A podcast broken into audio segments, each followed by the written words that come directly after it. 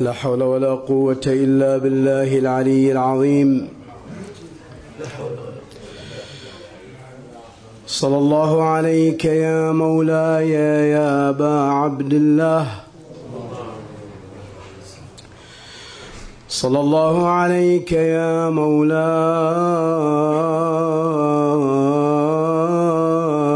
يا ابن رسول الله. يا رحمة الله الواسعة. ويا باب نجاة الأمة غريب يا مظلوم كربلاء. روحي وأرواح العالمين لكم الفداء. يا ليتنا كنا معكم. سادتي فنفوز فوزا عظيما. يا سقى الله يا سقى الله في الطفوف قبورا.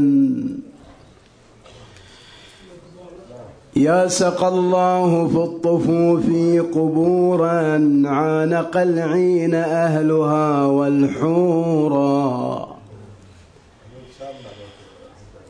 فتية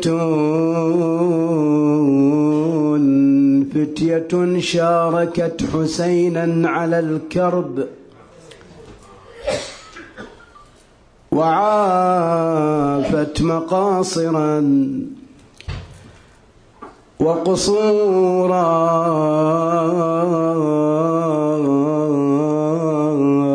كتبت آية الثناء عليهم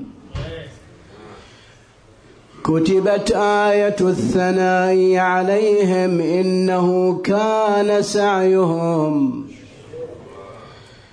مشكورا.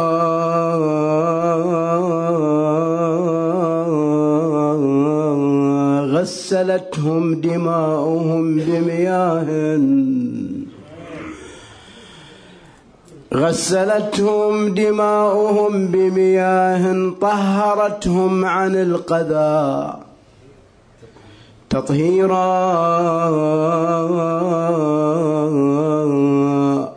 وسقتها العلا ملابس لكن نسجها كان سندسا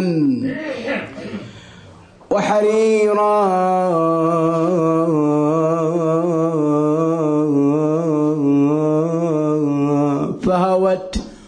هوت بدورا جدودا. تخجل السحب في السماء أن تنيرا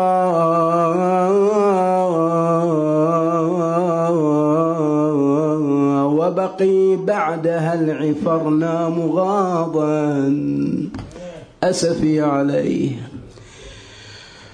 وبقي بعدها العفرنا مغاضا مستعيضا عن الزفير. زئيرا بطل هبا في الطفوف فهبت. زعزع في الشئام تدعو. ثبورا لم يجد موردا من الماء إلا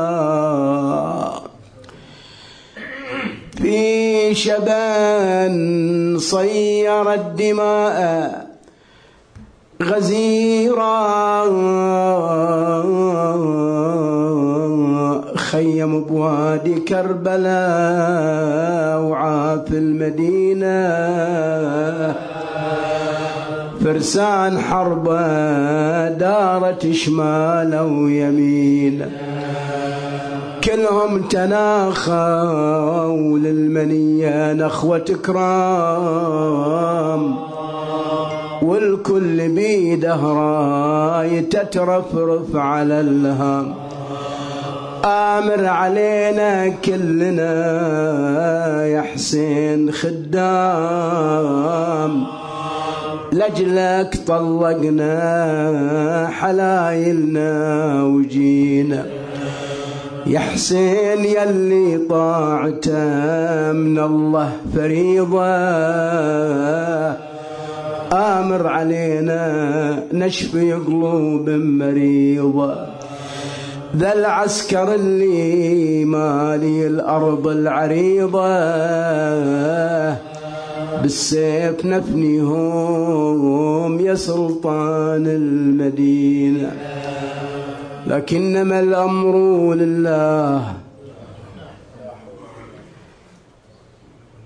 لا حول ولا قوة إلا بالله العلي العظيم. إنا لله وإنا إليه راجعون. وسيعلم الذين ظلموا أي منقلب ينقلبون. والعاقبة للمتقين. قال عز من قائل في محكم كتابه بسم الله الرحمن الرحيم. ولا تصعر خدك للناس ولا تمش في الأرض مرحا. إن الله لا يحب كل مختال فخور. آمنا بالله. صدق الله العلي العظيم. صلى على محمد وآل محمد. وسلم على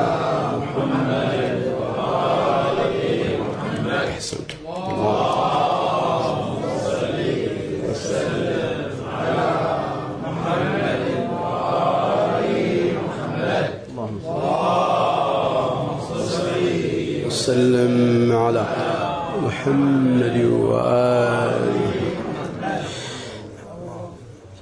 عناوين متعددة جاءت في هذه الآية المباركة التي هي جزء من مواعظ لقمان الحكيم. عليه السلام لولده. أوصاه بكثير من الوصايا التي تضمنتها هذه السورة المباركة وهي سورة لقمان. وكان من جملة تلك المواعظ هي هذه الآية المباركة التي تضمنت عدة عناوين يجمعها جامع واحد وهو التواضع. العناوين التي سوف نذكرها ونمر عليها بالرغم من تعدد مفرداتها إلا أن الخلاصة منها أن لقمان الحكيم يريد أن يقول لابنه كن متواضع. فابتدأ أولا بالمظهر وقال ولا تصعر خدك للناس. لو واحد مر عليه إيش يقول شنو إيش معنى المفردة؟ شنو لا تصعر؟ خدك للناس.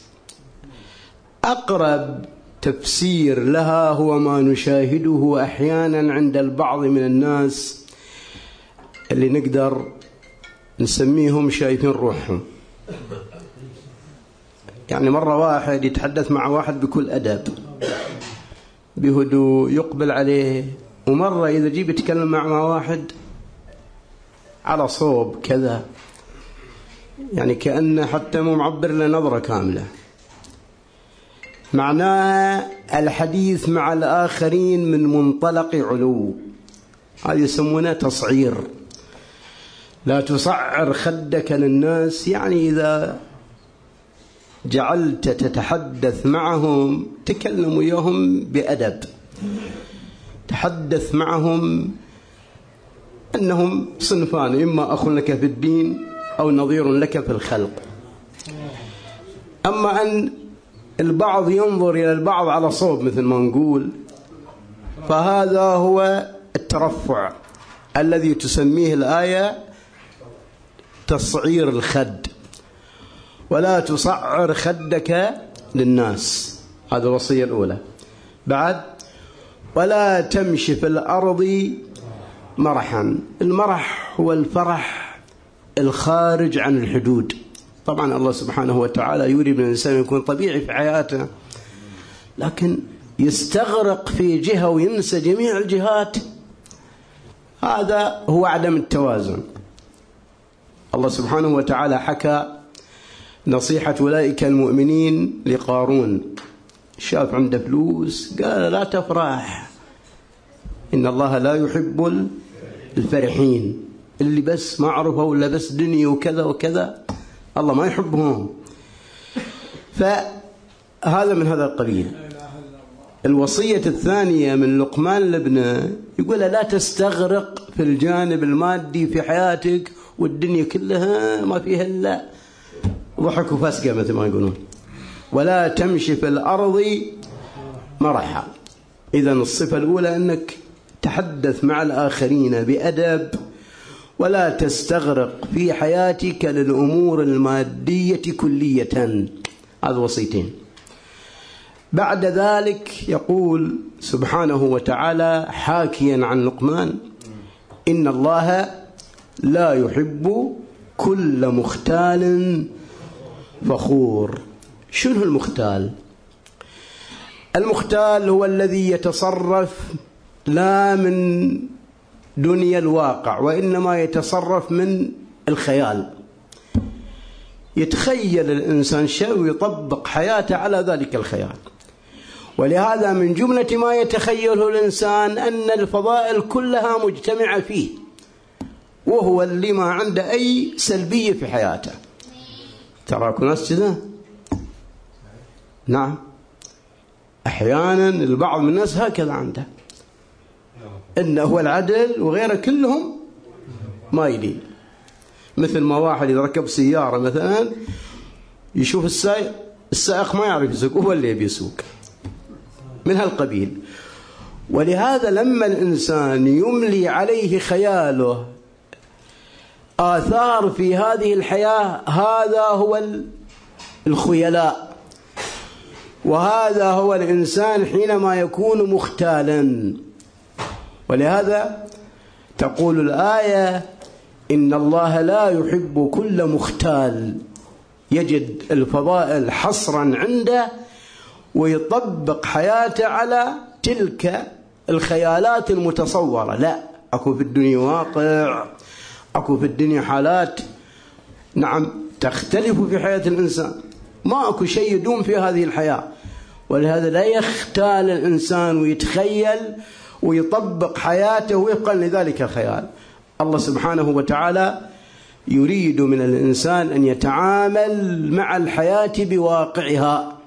المتغيرات مرة صاعد مرة نازل مرة ابتلاء صنوف الابتلاء مختلفة مرة فقر مرة غنى مرة ولله الحمد.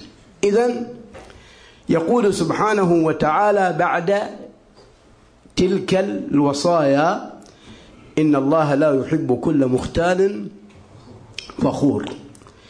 هذا باختصار هي جولة سريعة حول هذه الوصايا اللقمانية التي أدلى بها لقمان لابنه صلوا على محمد وآل محمد.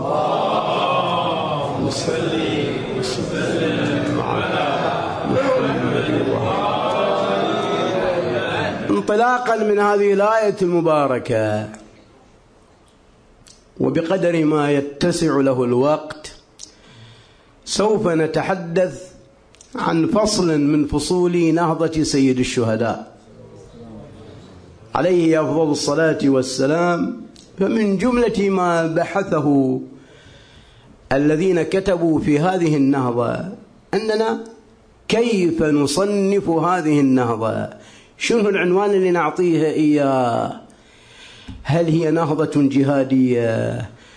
نهضة تربوية؟ نهضة شرعية؟ نهضة خلقية؟ إذا قلنا شرعية معناها أن الإمام الحسين سلام الله عليه أملى عليه الواجب أن يقف موقف ووقف. الإمام الحسين سلام الله عليه شخص على أن سكوته نعم أمام تعديات الأمويين. هذا موقف لا يمكن لمتشرع فضلا عن يكون إمام أن يسكت عليه. ومرة نقول لا بالإضافة إلى هذا الموقف هناك جهات أخرى نستطيع أن نصنف بها نهضة سيد الشهداء سلام الله عليه وهو أن الإمام الحسين وهو يخطو خطوات وهو يدخل فصول ومراحل من هذه النهضة. تحدث وشرع لنا مجموعة من مكارم الأخلاق. فضائل كثيرة نعرفها من مواقف سيد الشهداء سلام الله عليه. ولهذا بالإضافة إلى أنها نهضة شرعية وجهاد في سبيل الله إلا أنها أيضا نهضة خلقية. بمعنى أن هناك كثيرة من الصفات والفضائل رسمها لنا سيد الشهداء عليه أفضل الصلاة والسلام من خلال هذه النهضة. الآن سوف نذكر فصلين. من وجه هذه النهضة على المستوى الأخلاقي أولا أن صاحب هذه النهضة الإمام الحسين سلام الله عليه له كثير من الكلمات التي وضح لنا فيها الكثير من الصفات الخلقية الحسنة وحذرنا بالمقابل من بعض الصفات السيئة صحيح؟ من جملة ما ورد في كلمات سيد الشهداء سلام الله عليه. هذا الفصل الأول. والفصل الثاني بعض المواقف الخلقية التي طبقها وهو في طريقه إلى كربلاء. بالنسبة لكلمات سيد الشهداء سلام الله عليه الذين تحدثوا في حياته والذين رووا الكثير من آثاره ذكروا له مجموعة من الكلمات التي هي دستور في الأخلاق التي ينبغي أن يتخلق بها الإنسان المؤمن وأن يدع الأخلاق السيئة في حياته. من جملة تلك الروايات ما ورد أن الإمام أمير المؤمنين عليه أفضل الصلاة والسلام كان في يوم من الأيام جالس في مجلسه وكان من بين الحضور في ذلك المجلس هما ولداه الإمامان الحسن والحسين عليهما أفضل الصلاة والسلام. الإمام الحسن والإمام الحسين جالسين في مجلس أبيهما أمير المؤمنين سلام الله عليه اللي يبدو على أن هذه الجلسة كانت في الكوفة يعني في الفترة الأخيرة من حياة الإمام أمير المؤمنين سلام الله عليه. وكان من بين الجالسين الحارث الهمداني. هذا تكرر ذكره في أكثر من ليلة. صحيح؟ نعم. فالتفت الإمام أمير المؤمنين سلام الله عليه وقدم أسئلة أراد من خلالها أجوبة تعريفية سريعة عن بعض المصطلحات. فطرح بعضها على الإمام الحسن. سلام الله عليه وأجاب عنها. شاهدنا هي في الأسئلة التي طرحت على منه على الإمام الحسين عليه أفضل الصلاة والسلام. يقول المصدر ثم التفت إلى الحسين. يعني بعد ما سأل الإمام الحسن وأجاب إن شاء الله تجينا ليلة من الليالي نذكر بعض الأسئلة التي طرحها الإمام على الإمام الحسن سلام الله عليه. فقال له بني وجه السؤال لمن؟ للإمام الحسين. بني ما هو السؤدد؟ السؤدد هي الزعامة. صحيح؟ لما نقول إنسان عنده سؤدد يعني عنده مكانة. طبعا اللي إحنا نفهم من السؤدد والزعامة أنها مثل ما نقدر نقول عن واحد أنه شنو؟ لا بأس باصطلاحنا العامي العادي. كبير العائلة مثلا. صحيح؟ إنسان كبير أكبر واحد في عائلة فلان بن فلان. هذا طبعا لما يكون إنسان كبير العائلة يشاورونه في الأمور. لا يقطعون رأيا بدون أن نعم يشاوروا يحترمونه إذا صارت مثلا مسألة من مسائل الخطوبة يصطحبوه معهم حتى يكون وجه. هذه يسمونه كبير العائلة. أو هذه هي الزعامة خلينا نقول القبلية. بس هذا ما يفهمه الناس. الكبير العائلة مثل ما سميناه أو الزعيم أو صاحب السؤداد يعني مو معقول يكون فقط له حقوق وليس عليه واجبات. اللي له حقوق لازم أيضا له تكون أو عليه شنو؟ واجبات. ولهذا لما سأل الإمام أمير المؤمنين سلام الله عليه الإمام الحسن ما هو السؤدد؟ أجاب الإمام الحسين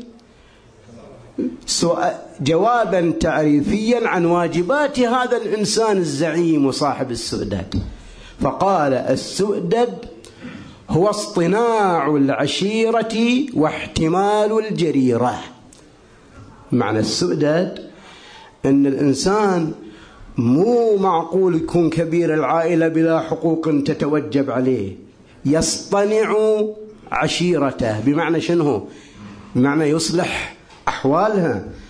لما تكون هناك سلبية في هذه العشيرة لما يكون أكو خلل في هذا التوازن في هذا الأسرة أو في هذا البيت أيضا لازم يكون كبير العائلة وصاحب السؤدد له فعله في هذا المجال. ما يصير.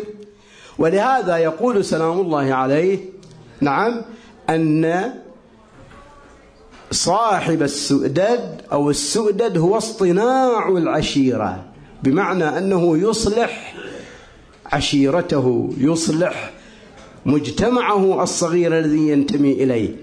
بالمقابل واحتمال الجريرة يعني لما واحد يسيء له مثلا لما واحد مثلا يتكلم وياه بكلمة مثلا قد تكون نابية أو شيء لازم يتحملها.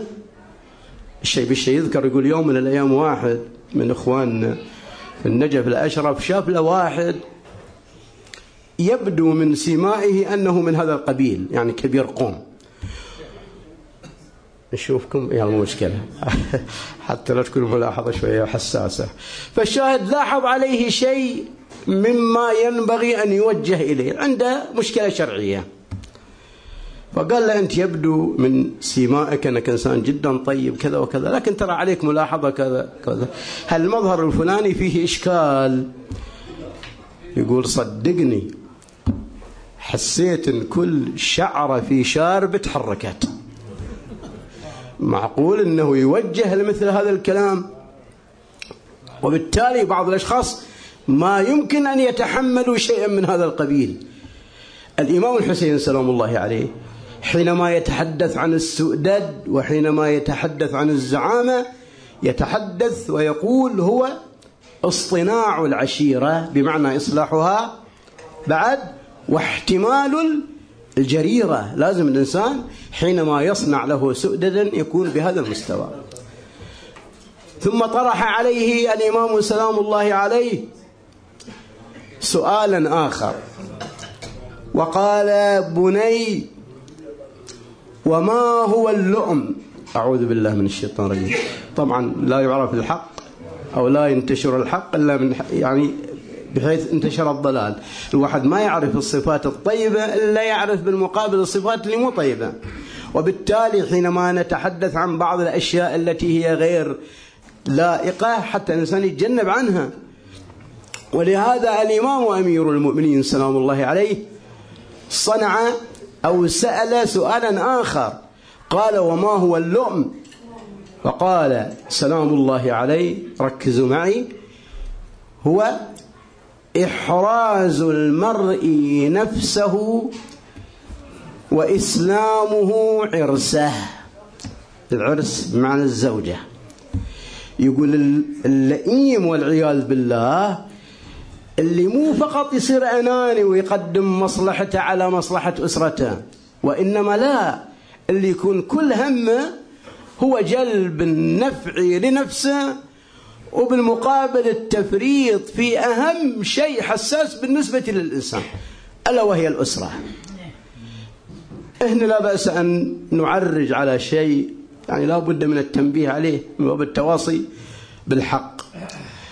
حقيقة على الإنسان على نحو العموم أن يكون مهتما بأسرته وعلى نحو الخصوص فيما يتعلق بالعنصر النسوي كما يسمى على نحو الخصوص. لا يكون الإنسان يتماهل في هذه الأشياء. لا يكون الإنسان يتهاون في الحفاظ على أسرته عموما وعلى العنصر النسوي من أسرته على نحو الخصوص. لأنه بالإضافة إلى الجانب الشرعي بالإضافة إلى الجانب نعم التكليفي في المسألة أيضا هناك شيء يسمى بالغيرة غيرة المؤمن إيمان أو غيرة الرجل إيمان. فلا بد أن يكون مهتما. ولهذا الإنسان اللئيم كما عرفه سيد الشهداء سلام الله عليه نعم هو الذي مو يحرز نفسه وينسى أسرته ويتهاون في أمورهم. أما الإنسان إذا كانت مصلحته فقط لنفسه ونسي الجانب الآخر من هذه المعادلة وهو البيت والزوجة أو البنت على نحو الخصوص يقول الإمام هذا هو الإنسان اللئيم والعياذ بالله. صلوا على محمد وآله محمد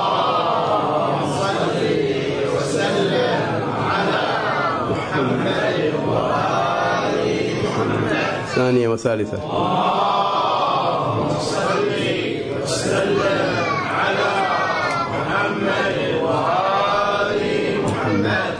الله صل وسلم على محمد.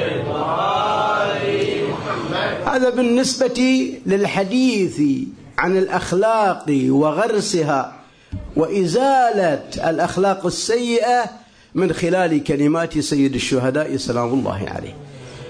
وأما من خلال مواقفه ومواقف أصحابه وأنصاره التي هي أصبحت عنوان من عناوين هذه النهضة فما مواقفه في كربلاء وقبل كربلاء إلا آية وعلامة واضحة على أن لهذه النهضة لها وجهها الأخلاقي لها وجهها التربوي وليست أحداث مسطرة وليست نعم قضايا تتلى من دون أن يكون لها مدلول أخلاقي. فالعنصر والتصنيف والوصف الأخلاقي لهذه النهضة المباركة نعم لها وجود في قاموس سيد الشهداء سلام الله عليه. ومن جملة تلك المواقف ما جرى بالنسبة لسفير الإمام الحسين سلام الله عليه وهو مسلم بن عقيل. مسلم بن عقيل طبعا نحن نقرأ ونسمع في سرد المقاتل والروايات أن مسلم بن عقيل انتقل طبعا من دار المختار إلى دار هاني بن عروة. إلى دار هاني بن عروة المرادي. وفي أثناء تواجده في دار هاني بن عروة نعم تمرض أو توعك صاحب الدار اللي هو منه هاني بن عروة شخصية من مذحج مراد يعني شخصية معروفة. نعم. ولهذا عفوا تمرض أحد عرفاء آه، هاني بن عروة وهو شريك الملقب بعد ذيك الأيام يجيبون ألقاب بس ولا يلاحظونها. يسمونه شريك الأعور. وكان من شخصيات الشيعة جدا. نعم مكانة كبيرة جدا. وكان من الموالين لأهل البيت عليهم أفضل الصلاة والسلام. تمرض وكان جالس وين في؟ جالس في بيت أحد أصدقائه اللي هو هاني بن عروة. فابن زياد سمع على أن شريك نعم مريض وأنه جالس في بيت هاني بن عروة. فقال نعم أنه يريد أن يعود يروح يتفقد هذا شريك. فهاني ابن عروة جاء إلى مسلم بن عقيل قال له ترى خوش فرصة الآن ابن زياد إلى الدار وهذه فرصة بعد هدف لا يمكن أن يعوض. بالتالي نعم أنا بالاتفاق مع شريك بنجيب بيت من الشعر أو شيء وكذا. أنت هذا علامة ال... نعم. أنا بجيب بيت من الشعر ما الانتظار بسلمى لا تحيوها فأنت من تسمعها تعال. على كل حال خلاص اللي قال يصير خير. فاتفقوا هكذا. بعد فترة كرر ذلك المريض تلك الكلمات مرة مرتين ماكو شيء. ما تحرك. هذا ما سمع نايم كذا وكذا. نعم. لكنه أجاب جوابا ينبثق مع هذه الأخلاق التي نتحدث عنها. لما سئل إيش كان جوابه؟ سمعت ممن سمع من رسول الله صلى الله عليه وآله أنه قال الإيمان قيد الفتك.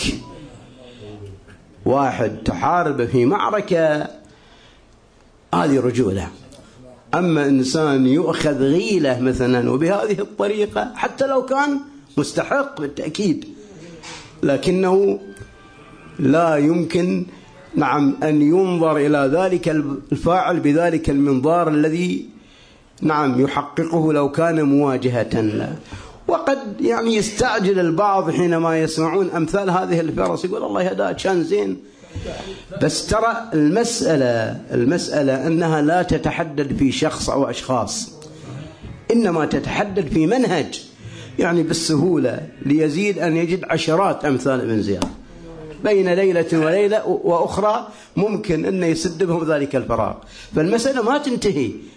الإمام الحسين سلام الله عليه ومن مثله من سفرائه أرادوا من خلال رسم هذه الأخلاق أن لا يحاربوا الأشخاص فقط وإنما شنه يحاربوا المناهج يزيلوا القيم والأخلاق السيئة ويزرعوا أمثالها. هذا فيما يتعلق بالوجه المهم لهذه النهضة وهو الوجه الأخلاقي. صلوا على محمد وآل محمد.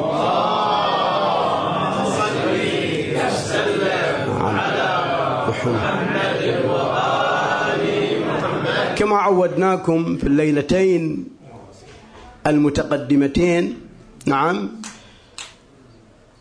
الليلة أيضا الليلة الثالثة سوف نذكر نموذجا من النماذج. نذكر شخصية من شخصيات أنصار أبي عبد الله الذين لم تسلط عليهم الأضواء كثيرا ونذكر بعض مواقفهم مع ما يتفق نعم ويتناسب مع الوقت. صاحب هذه الليلة هو شخص ولا تستعجلوا على الأسماء ها الله يعطيكم العافية. اسمه يزيد بن ثبيط العبدي شنو اسمه؟ يزيد بن ثبيط العبدي نعم نعم نعم. من بني عبد القيس على كل حال ارفعوا أعناقكم. فالشاهد هذا الشخص رضوان الله عليه كان كما يصنف من ممن أدرك رسول الله صلى الله عليه وآله. يعني يصنف أنه شنو؟ صحابي. وكانت له معرفة وصحبة وثيقة مع أبي الأسود الدؤلي. هذا نعم. الشخصية المعروف والمرموق واللغوي والنحوي وحدث عنه ولا حرج. فهذا كان من جملة أصدقائه المقربين من جدا. هذا الرجل كان مقيما وين؟ مقيما في البصرة. أكو هناك جالية عبدية لا بأس بها من حيث العدد. فالإمام الحسين سلام الله عليه أرسل رسالة نعم من نسخ متعددة مضمونها واحد لكنها أكثر من نسخة إلى شخصيات في البصرة من جملتهم هذا العبديين. الخلاصة في الرسالة جدا مختصرة أما بعد يقول سلام الله عليه فإن السنة قد أميتت والبدعة أحيت. فإن تتبعوني أهدكم سبيل الرشاد. أرسلها إلى البصرة ومن جملة من وصلتهم هذه الرسائل هم العبديون. كان هؤلاء العبديون يجتمعون في بيت عائلة البيت عائلة عندهم وهذا حقيقة من حسناتهم. كانت تديره إحدى النساء العبديات. هذا متقدمين من أول. فالشاهد اسمها ماريا العبدية رضوان الله تعالى عليها. وكانت تتشيع لأهل البيت عليهم أفضل الصلاة والسلام. هي صاحبة الدار وهم يجتمعون في بيتها ويتذاكرون فصول وحركات سيد الشهداء سلام الله عليه. الإمام الحسين ترى في مكة. الإمام الحسين تحرك. يعني يتحدثون عن يوميات تلك النهضة. فمن جملة ما تحدثوا عنه هي رسائل الإمام الحسين التي وصلت إلى العبدين. هاش بتسوون؟ ترى نخاكم جابكم بالاسم أرسل لكم رسالة يدعوكم لنصرته. الأكثرية ربما ممن حضر المجلس قالوا الوضع في البلد يعني حالة طوارئ. وابن زياد جعل المسالح أطواق على البلد. يعني لا طوق ولا طوقين ولا كذا وكذا. فالمسألة غير مأمونة العواقب بالإضافة إلى بعد البصرة عن كربلاء. بخلاصة يعني الأغلبية شنو اعتذروا. وقال أما أنا هذا يزيد بن ثبيت العبد رضوان الله عليه أما أنا إذا ركبت فرسي أو جوادي لا تلامس خفافها الأرض. يطير طيران. وبالتالي يستحيل على من يطلبني أن يجد لي مأخذ أثر. ثم دعا أبناءه وكانوا عشرة. عند عشرة أبناء. نعم.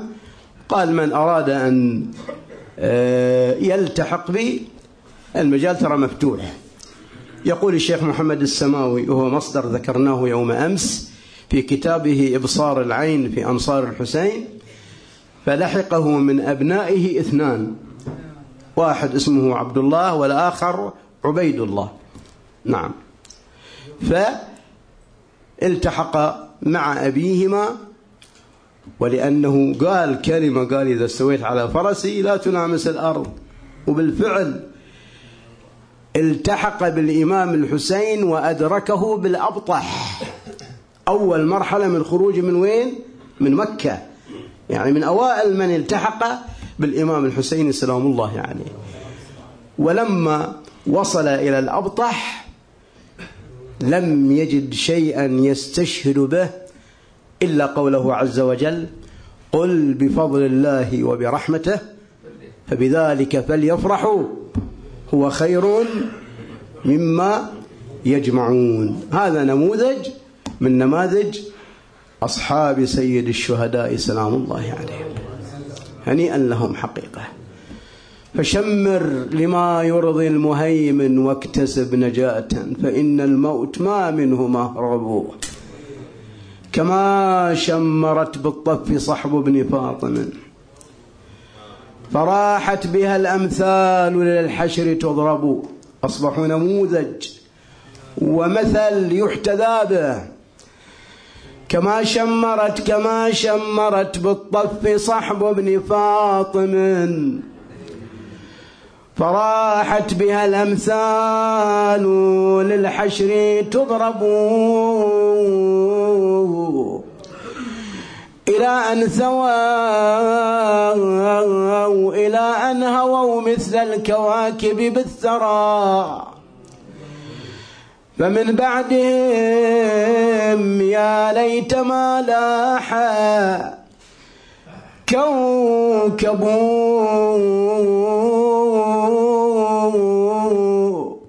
وإذا بلسان حال أحدهم يخاطب سيد الشهداء سلام الله عليه. والله يا أبو السجاد ما فارق جمالك. روحي ومالي والأهل كلها فدالك. شيعتك تفنى ولا تهتك عيالك والتفت لاصحابه وعبره تهجري. قال لهم يا أصحاب الوفاء كلكم تسمعون. باكر بهالعرصة يثور الحرب والكون. ليكون سادتكم بني هاشم يحملون. إلا بعد ما ننفني كلنا سوية هناك صوت معترض. قال البطل عباس ما ترضى شيمنا المطلوب اخونا والحرم كلها حرمنا. وإن كان ثار الحرب يتقدم علمنا منشور بيدي وأخوتي تمشي بضيع. قال الشهيد حسين يا مهجة الكرار. قدامكم خلها يا خويا تروح لنصار منا ومنهم يا الأخو تتقصف أعمار. تالي النهار خيامنا تبقى خلية رجال تفانوا. حيث طابت أصولهم بسم